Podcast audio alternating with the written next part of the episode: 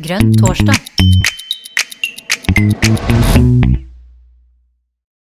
Velkommen til Grønn torsdag. I dag skal vi snakke om noe vi har egentlig hatt behov for å snakke om lenge. Det er energi og MDGs energipolitikk. Og I dag er jeg Jon Lurås i redaksjonen, og med meg så har jeg Karina Ødegaard.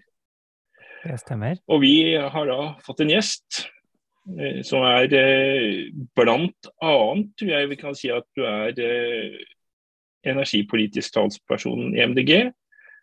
Og så har du også blitt heltidspolitiker. Det er sikkert litt annerledes, men det skal vi ikke snakke om i dag. Men det er en heltidspolitiker i Oslo og er byråd. Nå må du, er du finansbyråd, er det det heter, Reinar?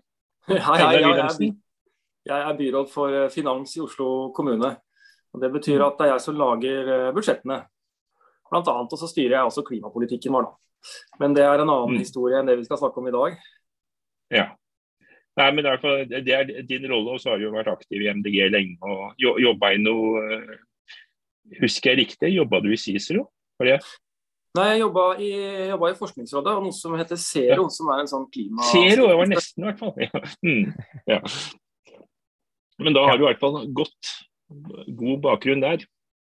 Og så Karina, nå er du klar. Ja, jeg er kjempeklar. Jeg har også fyrt om i ovnen for å prøve å spare litt strøm og få litt eh, varme i stua. Så, så jeg har akkurat eh, kommet inn eh, døra når vi gjør dette opptaket her. Så så, så, det er greit å få litt mer varme. fordi at det er jo, merker jo det at strømprisene gjør at en eh, fyrer litt mindre med strøm og litt mer med ved, dersom en har vært heldig og fått tak i det. Um, så sånn sett så er jeg jo veldig spent på det vår gjest Einar Wilhelmsen har å komme med i dag. Det er i hvert fall veldig spennende å høre hva hvilke tanker er det som beveger seg rundt omkring i maktens korridorer i MDG i forhold til energi? Det er kjempeinteressant å vite noe mer om. Så velkommen, velkommen, Einar Wilhelmsen. Takk, takk. Um, ja. ja, hva tenker vi på rundt den der energikrisa vi står oppi nå? Um, der syns jeg vi i MDG skal være veldig stolte, for vi var veldig tidlig ute med å si at nå må noen gjøre noe. Eh, det var litt min feil, for jeg eh, må tilstå at eh, selv om jeg er finansbyråd og, og egentlig har kalenderen min full, så, så, klarer jeg ikke å la være å, å følge litt med på, på nerdete ting som f.eks. hvordan spotprisen ser ut på strøm framover i tid og sånn. Så vi oppdaga egentlig allerede i fjor, i 2021, på høsten, at strømprisen var i ferd med å ryke i taket. Eh, og Vi hadde flere utspill hvor vi ba regjeringen eh, om å gjøre noe. Først den gamle regjeringen, og så den nye. For å begynne å beskytte folk mot, eh, mot høye strømpriser. For det vi tenkte da, det var at eh, vi skal jo elektrifisere eh, alt som kan elektrifiseres, nesten. Og vi skal ha folk til å, til, til å, til å kjøpe elbil eh, eller ta toget. Eller, eller, og, og kommunene skal kjøpe elektriske busser. Da må vi passe på at, eh, at ikke det blir altfor dyrt. Eh, og, da, eh, og når strømprisen da begynte å stikke av, så tenkte vi at vi har jo vært vant til at folk liksom må håndtere det sjøl, at man har vært vanlig i Norge har flytende strømpris og sånn. Og så har vi liksom sagt at ja, men det tjener du på i gjennomsnitt, og ett år så er det billig, og et annet år så er det dyrt, og i 2020 så var det kjempebillig. Men allerede høsten 2021 så så vi at nå var det i ferd med å bli kjempedyrt. Og da tenkte vi at det, her, her må vi på en måte passe på uh, at ikke forbrukerne havner i en skvis og blir sittende og betale veldig mye. Uh, så vi sa at nå bør regjeringa satse på energieffektivisering og solenergi. Kom med noen skikkelig hjelpepakker til folk som gjør at man kan investere i det for å komme seg ut av energifattigdom. Alle som alle vet jo det også, at liksom når kostnadene går opp, så vet du at du, du, vet at du burde nå investere i å legge solceller på taket og, og, og, isolere loftet. Men det er ikke så lett å få til når du bruker alle pengene du har på å betale for strømmen. For du må jo ha råd til å legge ut. Uh, så der var det vi begynte, da. Uh, og det har jo ikke regjeringen levert på i det hele tatt. Så, så det har egentlig, egentlig, vært veldig skuffende. Og siden den gangen da, da i oktober uh, i 2021, når vi begynte å mase om det her, så har jo strømprisen steget til høyder som ingen kunne forestilt seg, egentlig.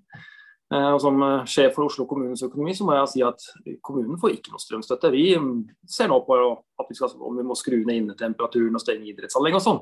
Så det her er jo ordentlig dramatisk. Mm. Ja, det, det, er virkelig dramatisk. Og eh, det overrasket meg at vi begynte å tenke på det allerede i fjor høst. Sånn sett, da. Så jeg opplever at det er ganske spennende informasjon. Um, hvordan skal vi tilnærme oss denne situasjonen som vi er i nå, tenker du? Altså, hva, hva, hva er vår policy der? Fordi vi er jo ikke redd for høye strømpriser i seg sjøl, uh, men det er jo det at man ikke gir folk mulighet til omstilling som kanskje er hovedproblemet her. Ja, nei, Vi er ikke redd for høye strømpriser. Uh, det er nettopp det. Men vi er redd for at folk For det første så er vi redd for å miste oppslutning om, den, om det grønne skiftet, om overgangen til grønne teknologier. Mm. Eh, folk må liksom ha råd og mulighet til å være med på reisen. Um, og så, så, så, så, våre forslag har jo egentlig vært å la folk betale den strømprisen som, som, som egentlig er, altså fem kroner, da, som det var oppe i nå i, som, i høst.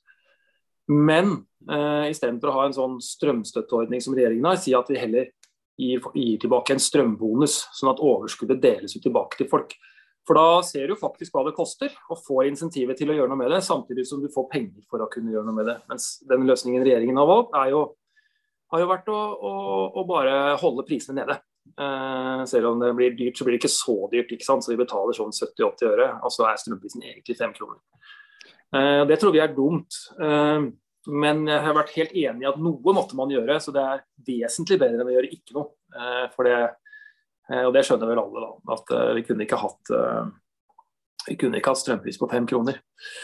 Men det som jeg syns er skikkelig alvorlig her, er jo at denne krisen har jo flere sider. Den har en solidaritetsside. Den skyldes jo krigen i Ukraina. Den skyldes jo mm. at Putin begynte å bølle med gassforsyningen allerede høsten mm. eh, 2021. Eh, kutta gassleveransen og kutta strømforsyninga til Finland eh, nå i år. Og nå har de jo sprengt gassledningen også, så så, så, eh, vi er jo virkelig i et terreng vi aldri har vært før. Ehm, så en del av dette handler jo også om at vi er kobla sammen med Europa i et stort energifellesskap. Russerne prøver å få oss til å, eh, til å svekke solidariteten mellom eh, de europeiske landene med de som støtter Ukraina, med å bruke energi som våpen. Liksom fryse oss, prøve å få oss til å fryse så mye at vi slutter å støtte Ukraina.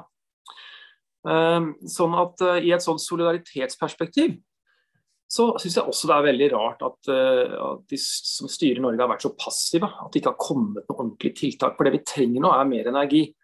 Den raskeste måten å skaffe det på er solceller og energisparetiltak som kan gjøres fort. Men også en del andre ting. Oppgradering av vannkraft og andre enkle tiltak. Men det har liksom kommet ingenting. Uh, og det har vært veldig skuffende og veldig rart. Så det er liksom det er utrolig at man har en, så, en, regjering som er så lite handlekraftig i en tid som er så dramatisk.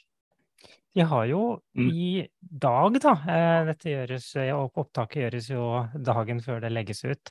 Eh, så har det jo i dag eh, blitt, blitt kommet noe deilige skattepakker som også adresserer vindkraft. Kan du si noe om det, Einar? Ja, i dag så har regjeringen eh, gjort noe, noe ganske dramatisk. De har, de har innført uh, nye skatter på, på vindkraft og på, på uh, fiskeoppdrett. Uh, det tror jeg er lurt. Særlig nå som vindkrafta har blitt så, så lønnsom, så tåler den godt å, å, skatte. Men de har også økt grunnrenteskatten på vannkraft.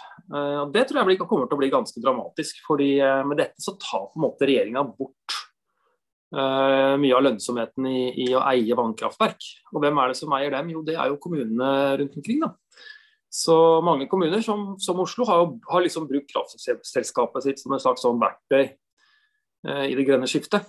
Uh, I Oslo så bygger vi karbonfangstanlegg f.eks. på avfallsforbrenningsanlegget vårt. Det gjør vi fordi vi eier et kraftselskap og har muligheten til det. Hadde vi de skatteendringene som regjeringen kommer med nå, så er jeg i tvil om det er mulig, om vi får det til. Mm. Um, så det er jo dramatisk, eh, rett og slett. Det vingeklipper på en måte en av de store motorene i det grønne skiftet, som er de kommunale kraftselskapene, som nå ikke har råd til å investere i, eh, i verken oppgradering av vannkraft eller nye prosjekter. Eh, Hafslund, som vi eier, har f.eks. akkurat lansert et, sammen med Obos, en sånn et nytt selskap som skal bygge solceller på, på borettslagstak. Eh, og om vi har råd til det nå, om vi har kapital til å kjøre i gang, det er jeg ikke sikker på. For nå stikker regjeringen av med, med pengene våre. Mm, og vi er her Oslo kommune. Vi, vi, er her Oslo, men, det, men det gjelder jo på en måte, dette gjelder jo alle, det er veldig mange kommuner og fylkeskommuner som eier kraftselskap. Mm. Enten det er BKK i, i Bergen og omegn, eller Lyse rundt Stavanger, eller, eller Tromskraft i, i Troms, eller, eller, hvem det nå måtte være. Så dette vil nok gjelde det, veldig mange. Uh, og siden det er mye penger i vannkraften, så er det også en viktig motor i å drive fram, uh, fram det grønne skiftet. Så Litt av konsekvensen av dette er jo at vindkraftmotstanderne, som har, vært, som har, vært, veldig opptatt av at vindkraft i Norge bare eies av utenlandske pensjonsselskaper, de kommer nå til å få helt rett i det. For nå har ikke norske, norske, vann, norske vannkraftselskaper har ikke råd til å investere i vindkraft på land, og i hvert fall ikke til havs med dette, med dette her. For nå, er, nå, tar regjeringen pengene. Så, så, det er veldig uheldig. Uh, og Det vil også legge en kjempebrems på investeringer i solenergi. så det Eh, det er, det er, jeg litt bekymra for. da. Og så er jo Finansbyråene veldig bekymra for hva det gjør med kommuneøkonomien, da, både i Oslo og andre kommuner. For det er eh, ganske mange penger som vi nå ikke får, som da staten tar i stedet. Ja. Så eh, Senterpartiet tar penger fra norske kommuner og overfører til staten? Det er helt riktig. og Det er vel 11 mm. milliarder kroner de drar inn fra, fra vannkrafta. 11-12 milliarder, mm. som da var midler som før gikk til kommuner og fylkeskommuner, og som nå går til staten isteden. stedet. Mm. Det, det, er litt overraskende, det må jeg få lov til å si. Unnskyld at jeg avbrøt, Jon, du får bare fortsette. Bare, det, over, det, er, det, er, overraskende at Senterpartiet er med på et sånt grep. Mm. Jeg lurer jo på litt på, altså, hvor, hvorfor har de tenkt sånn, men er jo, man er jo ikke inne i hodet på dem. Så de, de, har vel hatt et eh, akutt behov for penger. Det er jo, det er, jo, det er, vel, er vel noe der. Men, men ja, altså, jeg, jeg, ja, Man kan kanskje tenke seg at uh, akkurat nå som, uh, som kraftprisen er så høye, så kan man jo kanskje tenke seg at, uh, at det er viktig å dra inn litt ekstra penger. Um, og Det de har gjort med vannkraft, er egentlig to grep. De sier at hvis strømprisen er veldig høy, så blir det en ekstraskatt. Uh, men så sier de også at de øker grunnrenteskatten. og Den ekstraskatten vil jo bare slå inn når strømprisen er høy. så Hvis vi får en normaltilstand, så så gjelder den ikke. Men den økningen i grunnrenteskatten den vil jo gjelde uansett hva kraftprisen er. Så det er en varig endring. Så en varig svekkelse av, eh, av både kommuneøkonomien og, og, og av eh, kraft, kraftnæringa som en mulig motor i den, i den grønne omstillinga. Ja, for strømprisene er markedsstyrt, så det vil si at, eh, at, det betyr bare at det blir mindre inntekt til eierkommunene? Ja, det er riktig. Mm. Så det er ikke snakk om eller, Jo, den der strømstøtteordninga, den har de vel satt at det skal vare ut neste år, var det det? Ja, og den, den, gjelder jo på en måte ikke kraftprisen. For er, kraften selges jo til, til vanlig til markedspris. Så kommer staten inn og, mm. og, og gir støtte. Og det er vel 40 milliarder eller noe sånt de er nødt til å bruke på det. Er ikke det fascinerende? At de liksom uten et blunke nærmest er villige til å bruke 40 milliarder kroner på å betale for høy strømpris, men det er helt uvillig til å investere i energieffektivisering eller putte litt ekstra penger inn i Enova eller gjøre støtteordningen der litt mer gunstig og sånn, noe som liksom kan bidra til å løse sjøl problemet. Tenk deg hvis man putta 40 milliarder inn i enøk. Altså, tenk deg hva man kunne gjort da! ja, det tror jeg til og med jeg kanskje ville synes var litt voldsomt, men, eh, men OK. Eh, det, det, fine med å satse på, på solenergi og enøk i den situasjonen vi er nå, da, er jo at det gjør jo at de som gjør det, blir mindre utsatt for prissvingninger. Eh, og bruker jo ikke så mye penger på strøm. Samtidig som det skal ikke så veldig mye til i det norske markedet for å dytte strømprisene ned. for at når vi putter ny produksjon inn, eller tar ned forbruket, som jo på en måte i markedet blir det samme som at det kommer ny produksjon, så blir jo tilbudet større, eh, eller etterspørselen synker, og da eh, går jo prisen ned. Sånn at uh, Hvis man hadde kjørt en skikkelig kjempesatsing på energieffektivisering og begynt med det for et år siden, så hadde vi nok hatt lavere kraftpriser nå. Mm. Da hadde man spart litt av strømstøtta òg. Men, men det er jo noen eh, som har brukt veldig mye energi på å snakke om disse kablene.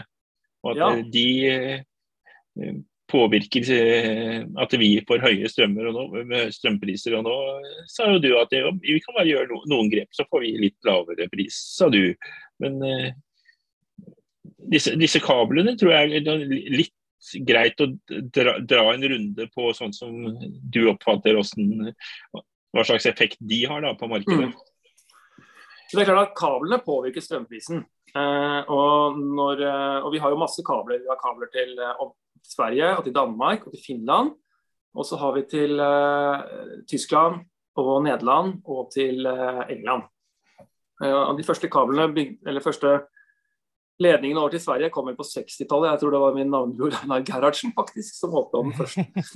Eh, så det har vært en viktig del av norsk energi- eller strømpolitikk hele tida. Og tanken har jo vært at eh, vannkraftsystemet vårt varierer veldig hvor mye vann det er. Da er det greit å kunne eksportere når man har for mye, og kjøpe og importere når man har for lite. Eh, og så etter hvert som alle landene rundt har begynt å bygge masse sol og vind, så blir det enda lurere med kabler. For det at de får veldig mange øyeblikk hvor de har veldig mye sol eller veldig mye vind, og da har de, har de kanskje mer strøm enn de trenger. Da kan vi importere, og så kan vi mellomlagre den strømmen i våre vannmagasiner og så selge tilbake etterpå.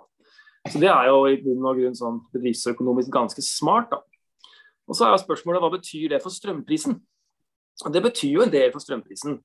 Eh, men i gamle dager, før eh, Putins energikrig, så, så var det sånn at forskjellen i strømpris altså den prisen du omsatte strøm på børsen på, mellom Norge og England og Tyskland og Danmark, var ikke så veldig stor. Eh, så at effekten av disse kablene, særlig de to siste, da, de som har bygd til England og, og Tyskland, de, den, var ikke så veldig stor. Eh, noen øre mente man prisen ville øke i beregningene. Og så ville effekten synke etter hvert. fordi at etter hvert som Tyskland og England bygger mer sol og vind, så vil det bli stadig oftere sånn at de eksporterer eh, billig. For den er overskudd av noe, så blir prisen veldig lav. Eh, men så kom energikrigen, da, og så plutselig så koster ikke strøm 30-40 øre på børsen lenger. Den koster 3-4-5 kroner. og Da blir jo effekten av kablene veldig mye større. Eh, det var det rett og slett ingen. Det var nok ingen som hadde fantasi til å forestille seg. Akkurat som jeg tror ingen heller hadde fantasi til å forestille seg at noen driver og sprenger gassrør nå i, i Østersjøen. Eh, så vi er liksom inne i et farvann som ikke som ikke minner om noe vi har vært i før. Ehm, så, så, så, så slik er på en måte det. Eh, og det, med, det, dumme med kablene våre nå er at nå bidrar til å dra opp prisen. Det fine med dem er at vi bidrar til energistabilitet i Europa, som nå er skikkelig ute å kjøre. Eh, for det virker jo det Putin gjør. Eh, det blir spennende å se hvordan de skal komme seg gjennom vinteren uten at, at det skal bli altfor tøft for dem. Eh, så kunne man gjort et tankeeksperiment. Skulle man droppe alle kablene? Det kunne man jo gjort. Eh, da ville eh, vårt bidrag til, Europa blitt mindre. Og Europas klimagassutslipp ville gått opp, fordi de kunne måtte brukt mer kull og gass til å balansere vindkrafta med, istedenfor å flekse litt med Norge også. Og Det er ganske betydelig. Det er mange mange millioner tonn CO2 som da ville blitt sluppet ut ekstra. Og så ville det fått noen effekter i Norge, for da måtte vi jo planlagt hele kraftsystemet vårt for ikke å ha kabler. Eh, og da måtte vi bygge masse overkapasitet for å være helt sikre på at vi hadde strøm de åra hvor det regner lite. Eh, og vi måtte antagelig bygge mye mer nett, strømnett også, så det ville blitt større naturinngrep. Og selv om strømmen hadde vært billigere akkurat nå, så ville den vært dyrere i gjennomsnitt, fordi vi måtte da bygd ut masse overkapasitet. Og så er det en lang diskusjon da hvor mange kabler er det optimalt å ha. Eh, MDG har jo ment at ved å kutte klimagasser og bygge sammen et europeisk strømnettverk som kan, eh, kan, ha mye sol og vind og lite fossilt, at det er bra. Det har vi satsa på. Og så betaler vi jo litt prisen på det nå da, med denne krigen. At også vi også blir utsatt for Putins energiutpressing, da, som gjør at strømprisene går opp. Samtidig så skal man ikke legge skjul på at dersom Europa hadde kommet lenger i avkarboniseringen, så hadde man heller ikke vært i samme situasjon. Så det er den veldig avhengigheten av den russiske gassen, eller av fossil energi, egentlig, hvor russiske olje og gass er en stor bidragsyter, som er utslagsgivende her. Ja, det er klart det er gassprisen som driver opp strømprisen i Europa, mm. sammen med en del andre uheldige effekter. Det hjelper jo ikke på at halvparten av fransk kjernekraft har fuska hele sommeren og fortsatt ikke er oppe og står igjen. Så Frankrike har gått fra å være eksportør av strøm til å være nettoimportør. Eh, og Tyskland har steppa inn og fyrt opp masse kullkraftverk for å liksom dekke, dekke, den strømmen som franskmennene ikke lenger leverer. Eller at vi har klimaendringer som både er tørke på, eller i hvert fall veldig lite regn sør i Norge, og tørke i Europa. Som gjør at liksom, europeisk vannkraft har også levert veldig mye mindre i år enn det pleier. Så det er jo alltid ofte sånn at ei krise kommer jo ikke alene. Men det er helt riktig det at uh, det er avhengigheten av gass som drar opp prisen. Og når russerne da skrur igjen krana og sprenger ledningene, så, så blir det manko i markedet, og da blir det innmari dyrt. Da har jeg lyst til å legge til at uh, fra min tid i Zero så jobba jeg en del med norsk energipolitikk. Så jeg har vært på masse sånne forskjellige seminarer og sånt i regi av den norske ambassaden og andre i Europa. I Brussel og i Berlin og sånn. Hvor, eh, hvor, norske myndigheter har stått og propagandert at det Europa burde gjøre, det var å satse mer på gass. For gass er veldig klimavennlig. For så burde tyskerne erstatte alle kullkraftverkene sine med gass. Det ville gitt masse klimagassutslipp på gassreduksjon, og gass er bedre enn kull og bla, bla, bla. Så, så, selv om vi nå kritiserer europeerne for å være for avhengig av gass, hvilket jeg mener de er, særlig i, til oppvarming, så skal vi være veldig glad for at de ikke har hørt på norske myndigheter. For da hadde krisa vært enda verre. Tenk på det, Norge, Norge lobbet i Europa mot høy fornybarambisjon i fornybardirektivet, og mot høy ambisjon for energieffektivisering i energieffektiviseringsdirektivet. Og heldigvis så tapte vi, sånn at EU satte ambisjonene høyere enn det Norge ville. Det er ganske, det er ganske absurd, det er ganske absurd å lobbe mot energieffektivisering. Ja, og det var jo fordi de var redd for at det ville påvirke markedet for gass. For da trengte man mindre gass til oppvarming hvis man lykkes med energieffektive hus. Åh, snakk om å tenke til lommeboka. det er, litt, litt, kortsiktige greier. Men, men, du var innom eh, kjernekraften i, i Frankrike. og det har jo vært noen som har vært ute i media og sagt at nå må vi dra i gang kjernekraft i Norge. og Det har jo vært litt debatt også i MDG. Er det framtida, Einar? ja, altså jeg er, jo, jeg er jo blant de som, eh, som, står, som er veldig komfortabel på den linja MDG har lagt seg på. At uh, vi syns at kjernekraft uh, bør være med blant klimaløsningene. Og så sa landsmøtet at vi tror ikke at uh, kjernekraft er en viktig løsning i Norge. Vi tror ikke det hører hjemme i Norge. Vi tror ikke vi trenger det. Um, fordi vi har så utrolig mye andre ressurser, og vi har denne vannkrafta vår som, med magasiner som gjør at vi kan uh, ha et helt annet utgangspunkt enn alle, nesten alle andre land i verden. Um, vi skulle ja. hatt det utgangspunktet, da. Det var jo litt lite vann i noen av disse svære magasinene. Ja, det, det, var det akkurat i år. Og da skulle vi hatt litt mer sol og vind da, for å komplementere, sånn at, uh, sånn at uh, vi hadde noe som, uh, som gjorde at vi ikke trengte å trekke så mye på de magasinene på, på sommeren og på mm. høsten. Også, eller bruke de når vi virkelig trenger de midt på vinteren. Um, så, så um, men liksom til debatten om atom da, så er det viktig å få med seg at eh, MDG er ikke, er ikke atommotstandere. Tvert imot syns vi det kan være en viktig klimaløsning, men vi er skeptiske i Norge. Og sjøl så er jeg også synes jeg den debatten er veldig rar. fordi at Hvis du ser på det som er bygd av atomkraft de siste åra, i veldig atomkraftvennlige land, uh, i England som har atomkraftverk under bygging, i Finland som akkurat vel har klart å sette i drift det kraftverket de begynte å bygge i 2005, og i Frankrike så er alle disse prosjektene prega av både enorme kostnadsoverskridelser og voldsomme overskridelser på tid. Ehm, så vi snakker liksom her om en løsning som er med normale kraftpriser fryktelig dyr. Ehm, I hvert fall hvis vi skal se på de siste tre-fire anleggene som er bygd i Europa, og som tar fryktelig lang tid. Så det er i hvert fall ikke en løsning nå. Ehm, å satse stort på kjernekraft eh, når, eh, når liksom eh, løsningen tidligst kan stå klar om 15-20 år, tenker jeg. Og hvorfor tar det 15-20 år? Jo, for det første så skal man jo finansiere det. Man skal ha en konsesjonsprosess, man skal ha en lokaliseringsdebatt, og så skal det bygges. Og, det Erfaringsvis så er det tidkrevende med de sikkerhetskravene og den måten man gjør det på nå. Og Det verste eksempelet er jo, er jo disse stakkars finnene som begynte å bygge kraftverket sitt i 2005, og som er uh, satt i drift nå. Nå har det prøvedrift. Uh, så, så, god tid har vi ikke, rett og slett, uh, tenker jeg. Ja, og så skal, så, de også, skal, de også, etablere en trygg logistikk. Da. Det, er jo, det, det er jo litt jobb med det også. Ja da. Uh, og du skal ha trygg lagring uh, og alt det der.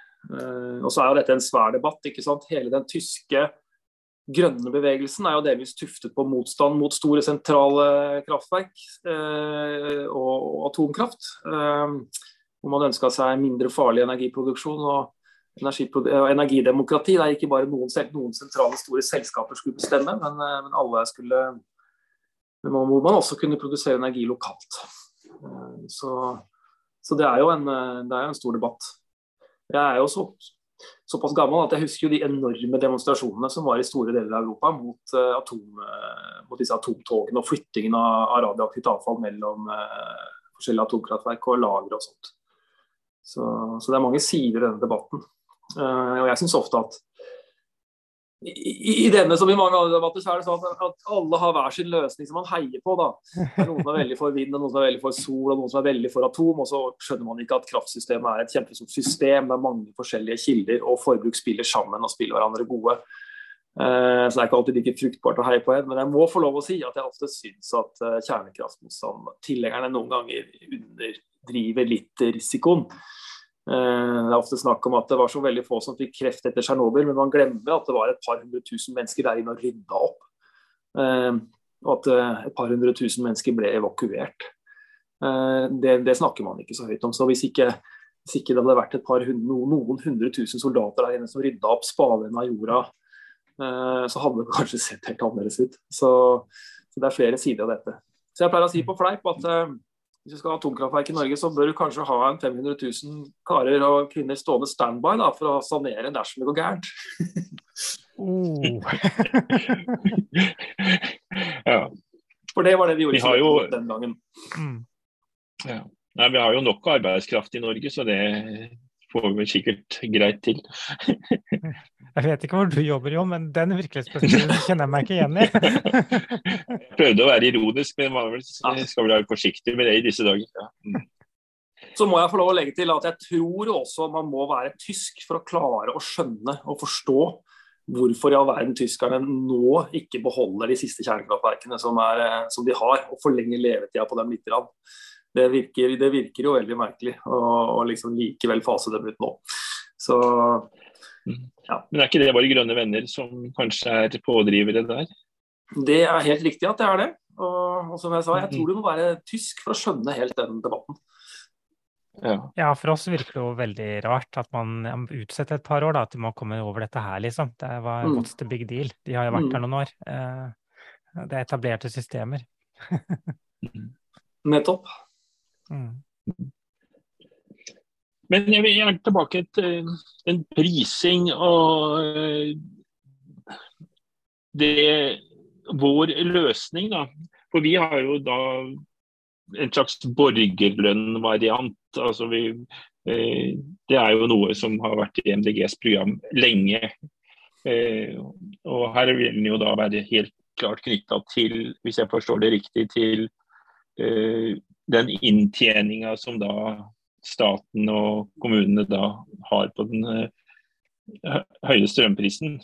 Mm. Så uh, For det har jo vært veldig mye altså, Høye strømpriser de treffer jo sosialt skjevt.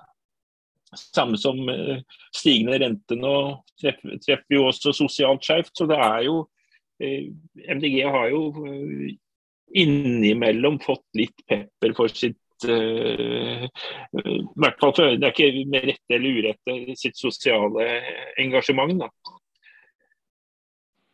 Så jeg vet ikke hvordan du tenker hvordan dette fungerer. Er dette en, en sånn opp, opp, mot de andre løsningene og, og, og sånn? Hvordan ja. dette funker? Så, vår løsning vil nok være mer sosial, fordi at den premierer ikke de med høyt forbruk. Eh, det regjeringa har gjort her, er å sette, si at du får strømstøtte opp til 5000 kWt i måneden. Det er ganske formidabelt forbruk. så Det gjør at de som bruker mye, får mye strømstøtte. Og de som bruker lite, får lite. Så, så, det blir jo på en måte en slags overføring til de som har mest fra før. Mens, eh, mens eh, vår løsning eh, vil gi sterkere insentiv til strømsparing. Og der tenkte vi også å fordele Eh, altså da overskuddet ut mer flatt da, som et kontantbidrag til hver husholdning, litt uavhengig av hvor mye strøm du bruker. Det vil jo også ha sine sider, eh, for du vil jo sikkert alltid finne noen som har dårlig råd som bor i et stort hus og bruker mye strøm. Eh, men sosiale, i sum så vil den sosiale profilen være, være litt bedre, eh, mener vi. Hva tenker MDG om strømstøtte til næringslivet? Det har vel, vel ikke vært innom Nei, og da må jeg innrømme at jeg akkurat nå ble jeg litt svar skyldig over, i hva stortingsgruppa vår har, eh, har, vedtatt. Men det jeg har lyst til å si, i hvert fall er at den ordninga som regjeringen laget der, etter at vi hadde gitt dem så mye juling for å ikke satse på energieffektivisering, den var ikke så dum. For det de gjort, gjorde der, var å knytte strømstøtte til næringslivet til eh, energisparetiltak. Så, og det eh, var lurt. Så du får mer strømstøtte hvis du gjennomfører en energisparetiltak. Så da blir det på en måte dobbelt lønnsomt. Uh, og det er jo riktig vei å gå. Ja. Det var jo noen uh, saker knytta til noe uh, litt grønnsaker i kjø kjøleanlegg, og noen som da gravde ned Stemmer det. Uh, Stemmer det, og Vi har jo ønska at man trappa opp støtta til, til, til landbruket. Nettopp for å unngå, mm. unngå sånne resultater. da. Så kan jeg, litt, jo, ja. Kjør på, Jon. Ja. Nei, det var det der, eh, Jeg har jo sett at eh, Sylvi Listhaug har jo vært ute og hatt eh, litt andre forklaringer på, på årsaken til, til strøm, de høye strømprisene. Og har vel også litt interessant også vel hatt litt støtte fra Rødt. Mm. Så altså, er det er du veldig trygg på at uh, de er på ville, hvis jeg kan si det sånn, ville veier, eller er det, er, har de noen reelle poenger, mm. tenker du? Også? Nei, altså, de er på ville veier. Uh, og jeg begynte å skrive om at Putin bølla med, noen bølla med gassprisen allerede høsten 2021. Og han uh, Birol, direktøren i Internasjonalt energibyrået, skrev det samme Eh, i flere artikler også, hvor, hvor energibyrået analyserte gassmarkedene. Eh, for det russerne gjorde, var at de begynte å skru igjen leveransene for å presse opp prisen. Sånn at Prisen begynte å stige lenge før Ukraina-krigen, og det var som en bevisst strategi fra, fra russerne. Fordi de holdt igjen gass sånn at ikke Europa skulle få fylt opp lagerne, eh, gasslagrene sine. For da blir de litt møre. Eh, men som, som enhver sånn god kritikk, eller altså som, som, som, som, mye god populisme, eller dårlig populisme, så er det jo noe inni her som er sant. Eh, vi kunne jo gjort noe mer selv. Vi kunne jo ha satsa på noe som kunne bidra til å løse problemet i Norge. Eh, vi kunne ha satsa på energieffektivisering. Vi kunne ha, eh, vi kunne ha, ha gjennomført en, og satt i gang en skikkelig satsing på solenergi. Vi kunne ha gitt, kommet med noen insentiver som gjorde at kraftselskapene kunne rusta opp gjort enkle opprustninger i kraftverk osv. Eh, man kunne jo også på et mye tidligere tidspunkt gitt kraftselskapene beskjed om at nå må dere begynne å holde igjen på vannet i magasinene. Det er klart, Måten norsk strømproduksjon er regulert på, er, er jo sånn at det er ikke noe det er ikke noe straff for å bruke opp alt vann i magasinet. Eh, tvert imot, det er bare litt flaut. Eh, eller kanskje katastrofalt flaut, men det er jo ikke dette systemet mangler jo på en måte noen bremser. Mm. Eh, ikke sant? Så, så, sånn at det er, det er, mye man kunne ha gjort eh, for, for, å, for, å, motvirke. Eh, og Jeg ser jo også at ministeren nå driver oss og flørter med å si at, han skal, at vi vil begrense kraftflyten på kablene i en vanskelig situasjon. Så det er veldig mange ting man kan gjøre. Eh, det siste kommer nok med en pris, da, for hvis vi sier til naboene våre at vi kommer ikke til å levere strøm til dere hvis det er vanskelig for oss, så, så tenker jeg at uh, de sier at ok, det er greit, men da kommer ikke vi til å levere strøm til dere hvis det er vanskelig for oss. Og så Uff, det høres ut som en sand, og da, blir jo nytten av kablene veldig lav. Da, for av, Mye av grunnen til at vi har dem, er at vi skal ha dem for akkurat den dagen da det virkelig er krise og vi trenger strøm fra dem. så, så, da er du på en, uh, ute på en uh, kjip galei. Men for å summere opp, altså Hovedansvaret er Putin og denne krigen, eh, energikrigen. og Det er derfor strømprisen i Europa er mer enn ti ganger over vanlig nivå. Eh, men så er det alltids noe annet man kunne ha gjort, selvfølgelig. Men det du sier er egentlig det at å snakke om utenlandskablene, det blir på en måte feil fokus? Ja, jeg tenker det. Og så syns jeg det er veldig gøy med Frp som alltid løper fra sin egen politikk. For hvem var det som ga konsesjon til disse to kablene? Jo, det var Tord Lien. Eh, olje- og energiminister fra Frp. Han er vel olje- og energiministeren som har sittet lengst, faktisk. Så, så, han er jo på en måte arkitekten bak det her. Eh, vi syns jo det var en god idé og støttet dette. Eh, og jeg tror fortsatt det er riktig, selv om det koster oss litt ekstra nå. Men i det lange løpet så vil disse kablene være veldig nyttige både for klimakutt og for vår forsyningssikkerhet. Mm. Bare et lite spørsmål før du hopper over til det neste tema som du følte at vi måtte innom. Men disse magasinene, Vi har jo noen flerårsmagasiner også, som da det har vært noen fine bilder av. Eller fine og fine. Det er det da faktisk sånn at det ikke er noen føringer per dato på hvordan man eh, tapper ned de. For det, det, ser jo veldig ut som at eh, her er noen som har tråkka feil, for å si det sånn. Ja. ja, ja, ja og nei, jeg svarer på det. Uh, det er naturvernføringer, heldigvis. Og det kan du ofte se på, Hvis du tar fram sånn turkart og ser på sånne regulerte vann, så kan du se at, uh, at det står høyden på vannet. Og så står det to forskjellige høyder. Eh, så alle, de, Veldig mange sånne magasiner har, eh, har, eh, en grense for hvor lavt de kan tappes og hvor høyt de kan fylles. og Det er begrunna ut fra naturvernhensyn. Av hensyn til det biologiske mangfoldet. Og så har mange av magasinene også krav til minstevannsføring i, i elva nedafor. Så det er nødt til å slippe ut litt vann. Og så finnes det masse gamle reguleringer, utrolig nok. Gamle gamle konsesjoner og tillatelser er det verken er krav til høyeste laveste vannstand eller krav til minstevannsføring, som jo er en biologisk katastrofe, egentlig. Men sånn energimessig det noe, er, har det ikke vært noen krav. Så innenfor liksom høyeste og laveste regulerte vannstand, så kan kraftselskapet tappe opp og ned akkurat som de vil. Um, uh, så, så, uh, uavhengig av liksom, energiforsyningen. Um, og det har vi sagt at det bør man kanskje se på. Eh, eller det bør man virkelig se på. Og det, Her måtte regjeringa til slutt gripe inn, da, men da var det kanskje litt i seneste laget. Så er det jo klart at Vi har jo et sånn markedsbasert strømsystem. og Det gjør jo at i det øyeblikket du begynner å si at du får ikke lov å bruke alt vannet som er i magasinet, nå må du spare og sånn, så går jo prisen opp. Og Det er også litt av grunnen til at vi har så høye strømpriser i Norge akkurat nå. Det er at uh, vannkraftmagasineierne holder nå igjen vann i magasinene selv om de kunne ha solgt og tjent masse penger. Eh, og Det gjør jo at det blir mindre tilbud inn i markedet, og dermed så går prisen opp. Så det er litt kompliserte greier. Så, eh, så, det, så, så, det, at vi ønsker å passe på at vi har nok vannkraft til vinteren, gjør at vi betaler mer for strømmen nå, rett og slett? Rett og slett. Mm.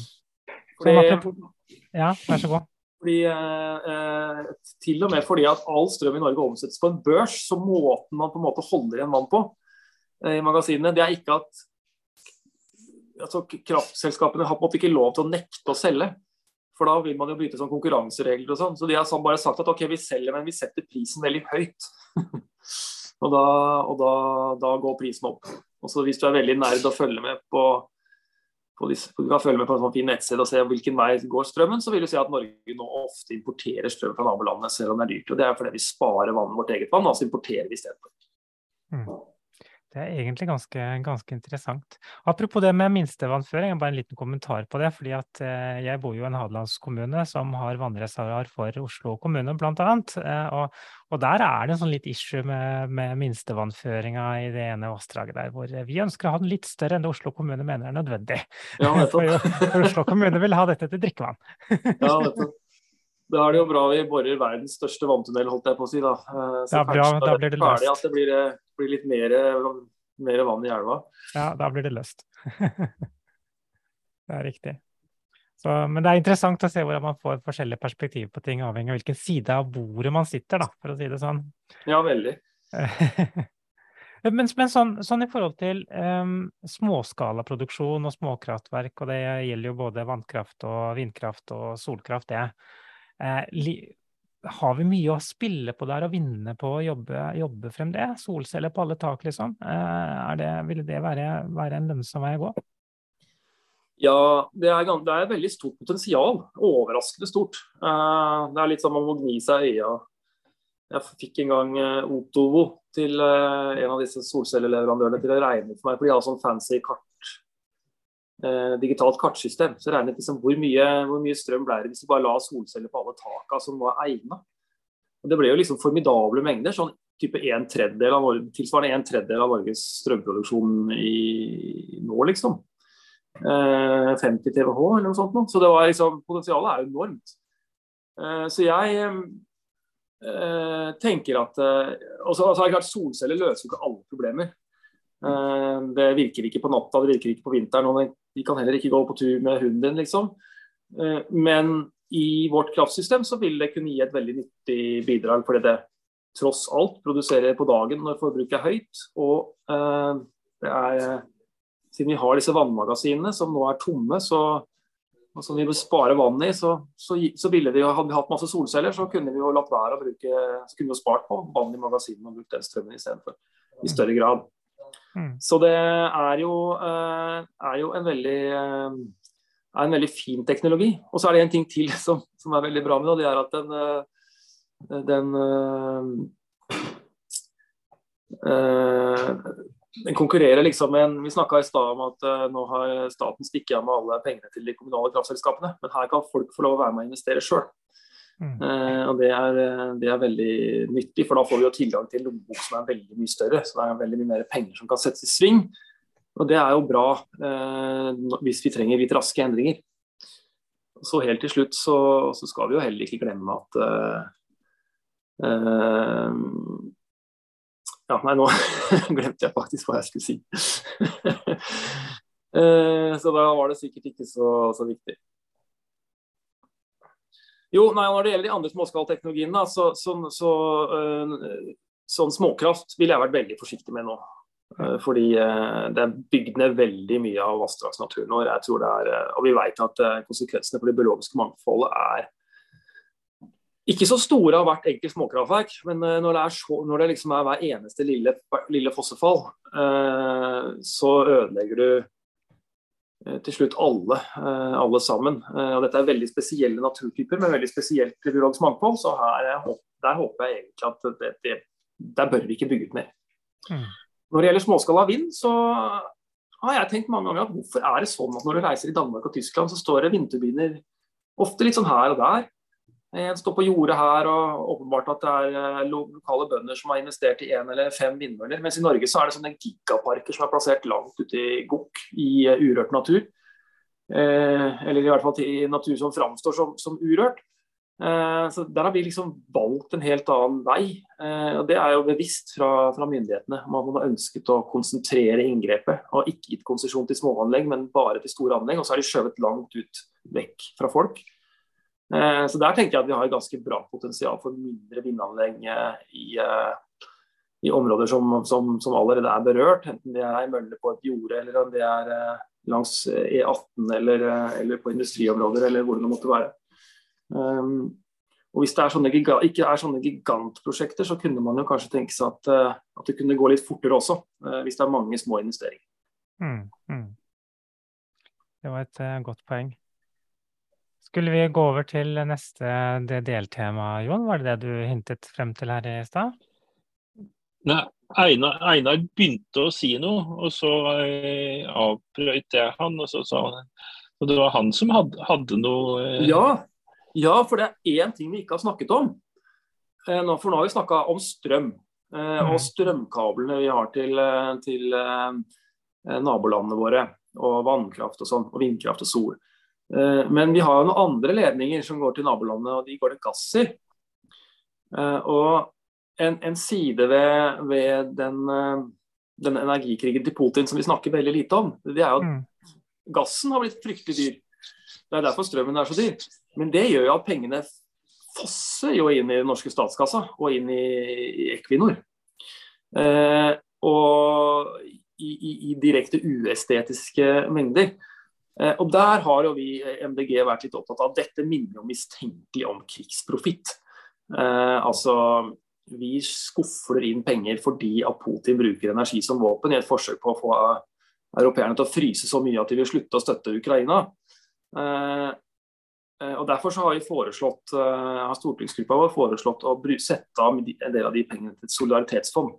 Både til, eh, til å, å, hjelpe til med å gjenoppbygge Ukraina, og med å hjelpe Europa med å investere i solenergi og energieffektivisering og annen fornybar energi.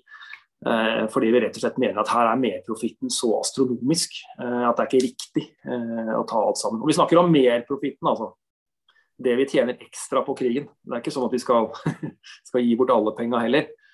og Det var også et budskap vi var veldig tidlig ute med og, så, og har gjentatt mange ganger. Og så har har liksom verden kommet litt etter. Eh, og, og nå nylig så har, jo, har jeg jo sett artikler både her og der og i Financial Times og andre steder hvor også våre europeiske naboer begynner å se at de faktisk blir flådd av, eh, av, Norge. De er jo helt avhengig av å kjøpe gass nå i en overgangsfase, eh, siden liksom den russiske så brått har blitt borte. Og så gjør de jo alt de kan for å slutte å bruke gass, både til eh, oppvarming og til eh, til strømproduksjon, men i liksom en overgangsfase så er de jo helt avhengig av det. Og Da sitter jo vi da og tar så mye profitt vi bare kan. og Der har vi i MDG ment at det er usolidarisk. Eh, at vi bør bruke de pengene, ekstra profitten, og, og, så spole den tilbake inn i, til å bidra til å løse problemet.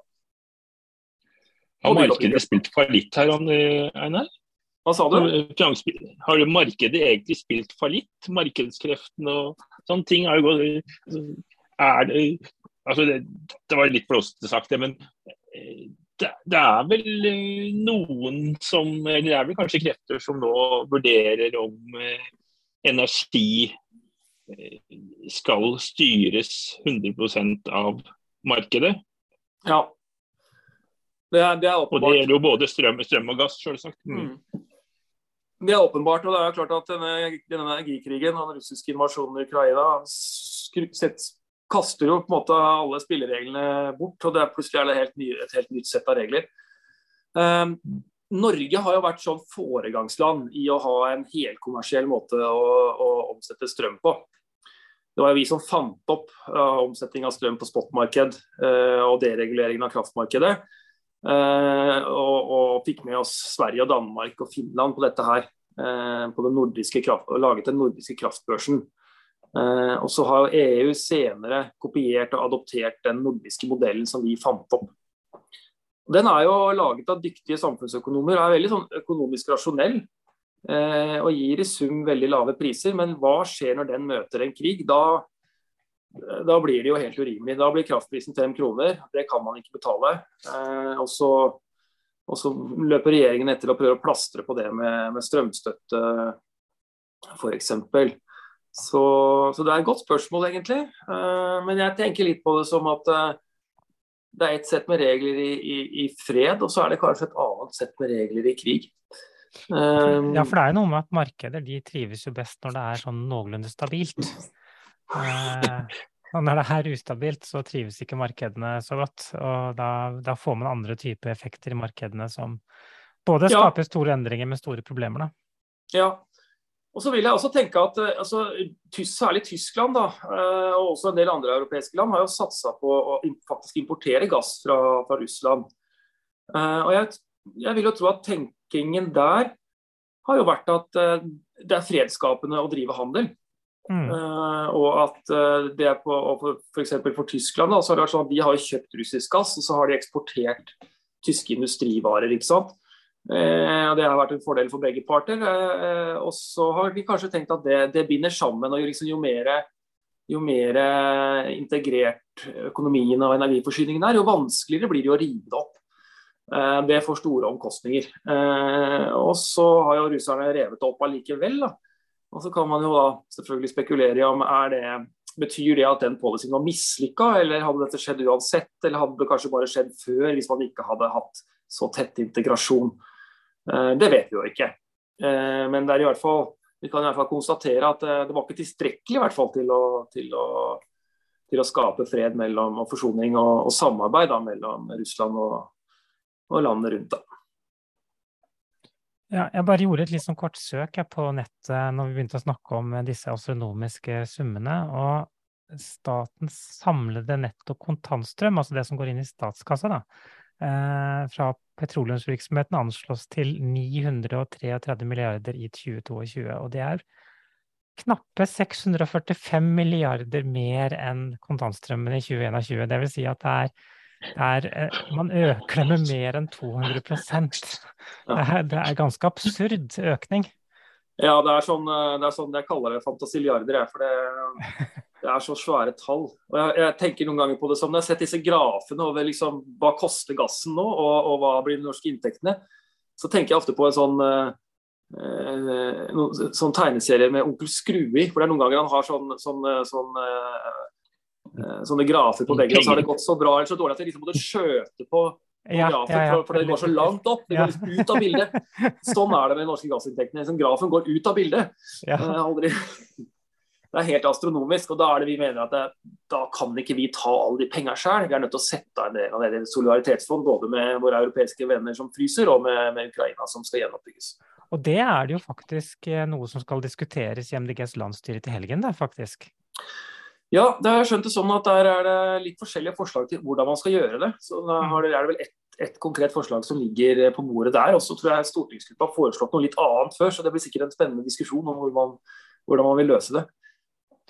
Men kloke hoder MDG tenker på dette, i hvert fall. det er i hvert fall godt å ha med seg. Eh, ja. Jeg, jeg, blir sånn der blown out av, av, disse store summene det er snakk om. Altså, oljefondet har økt med over nesten 13% i 2022. Altså, mm.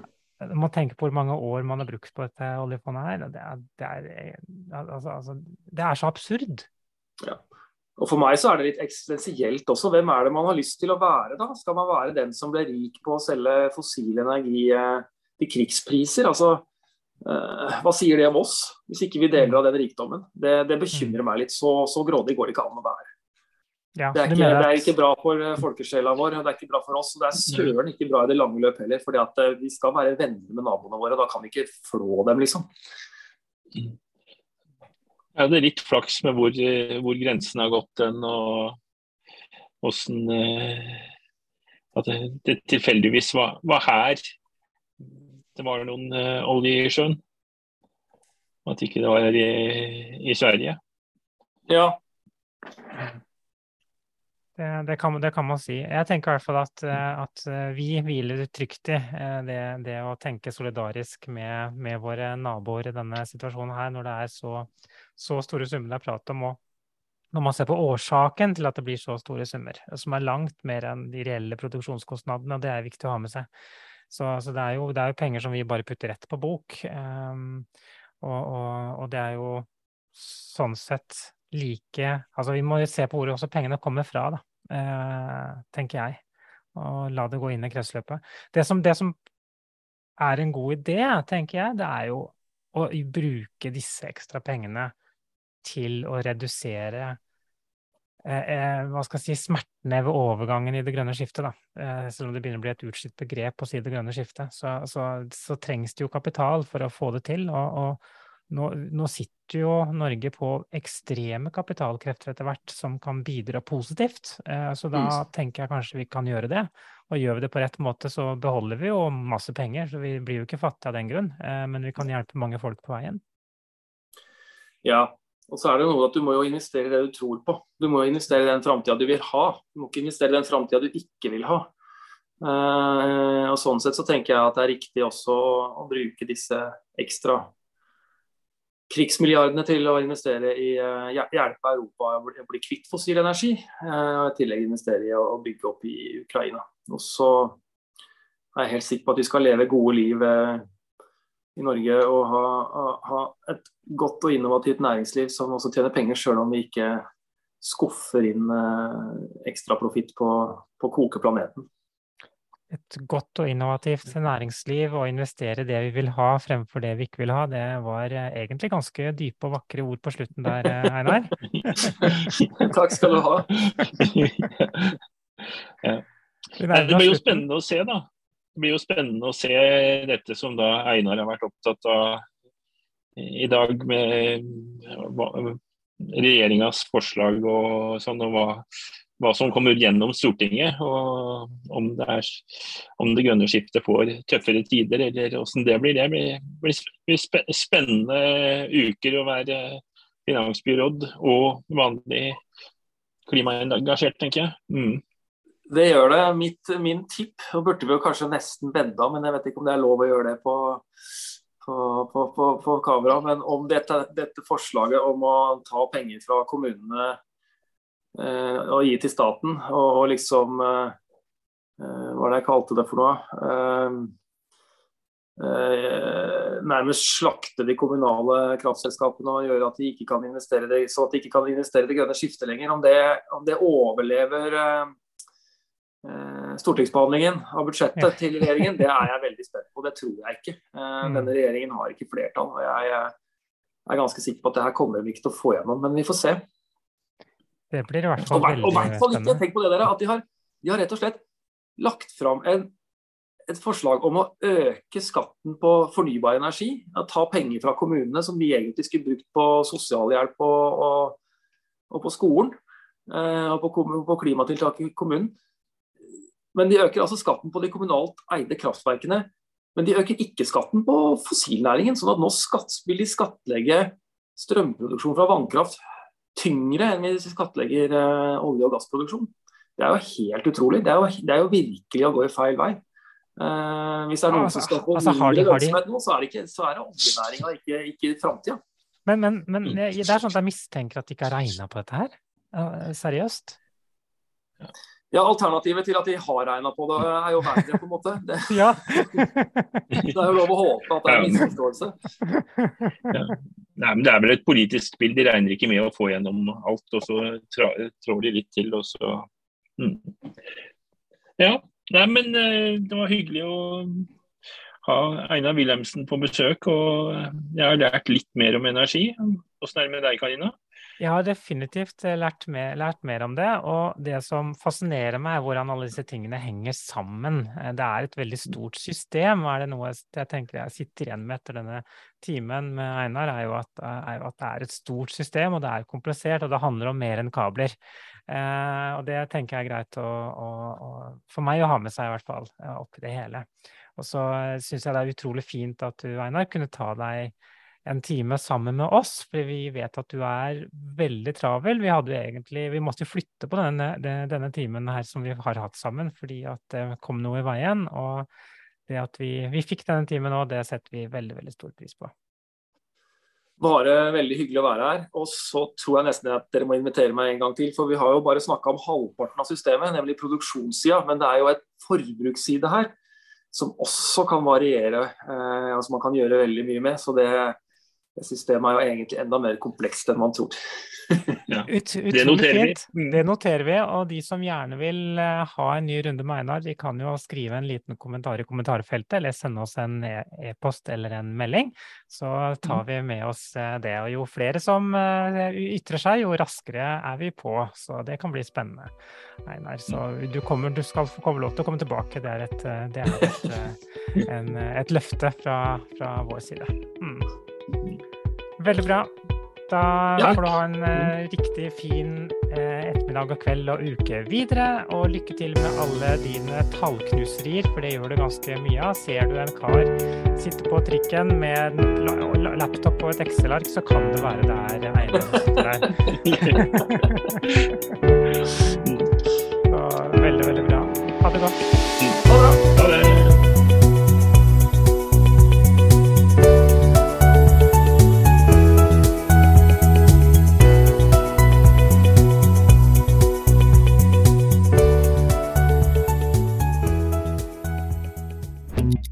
Grønn torsdag.